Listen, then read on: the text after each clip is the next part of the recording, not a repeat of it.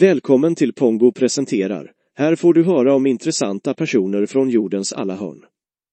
Jag är Pongo, din värd, och idag ska jag berätta för dig om William Shakespeare. William Shakespeare är en av de mest kända författarna genom tiderna och anses vara en av de största dramatikerna i världslitteraturen.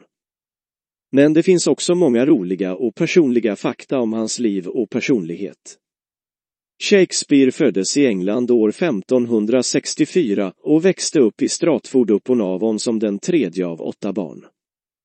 Hans far var handelsman och politiker och hans mor var dotter till en rik bonde.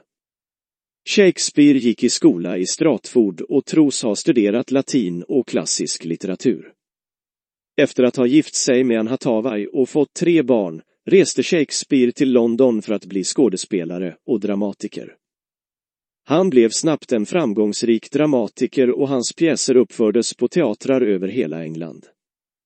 Shakespeares pjäser är kända för att skildra mänskliga relationer och emotioner på ett djupt och realistiskt sätt. Hans verk inkluderar klassiska verk som Romeo och Julia, Hamlet, Macbeth och Othello. Men Shakespeare var också en person med en rolig och fängslande personlighet. Han var känd för sin vassa tunga och sin förmåga att skapa ord och uttryck som används än idag. Till exempel har vi Shakespeare att tacka för uttryck som all is well that ends well, to be or not to be och the word is my oyster. Shakespeare var också en ivrig spelare och älskade att spela kort och tärning med sina vänner. Han var även en notorisk skämtare och älskade att spela skämt på sina vänner och medarbetare. Shakespeare var också en familjeman och hade tre barn med sin fru Ann, men hans son Hamnet dog i späd ålder. Han var också mycket nära sin dotter Susanna och hennes make och skrev till och med en av sina pjäser, The Mary Vives of Windsor, på deras begäran. Slutligen var Shakespeare också en affärsman och investerade i fastigheter i både Stratford och London. Han blev en mycket förmögen man under sin livstid och ägde flera fastigheter, inklusive ett stort hus i Stratford kallat New Place.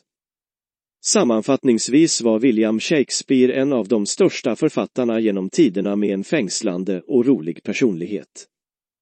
Hans verk har haft en enorm inverkan på litteraturen och hans arv lever vidare än idag. Tack för att du har lyssnat. I nästa avsnitt kommer jag presentera Leonardo da Vinci. Du kan även lyssna på mig i podcasten Pongo förklarar eller följa med mig ut på resa i Pongo Resor.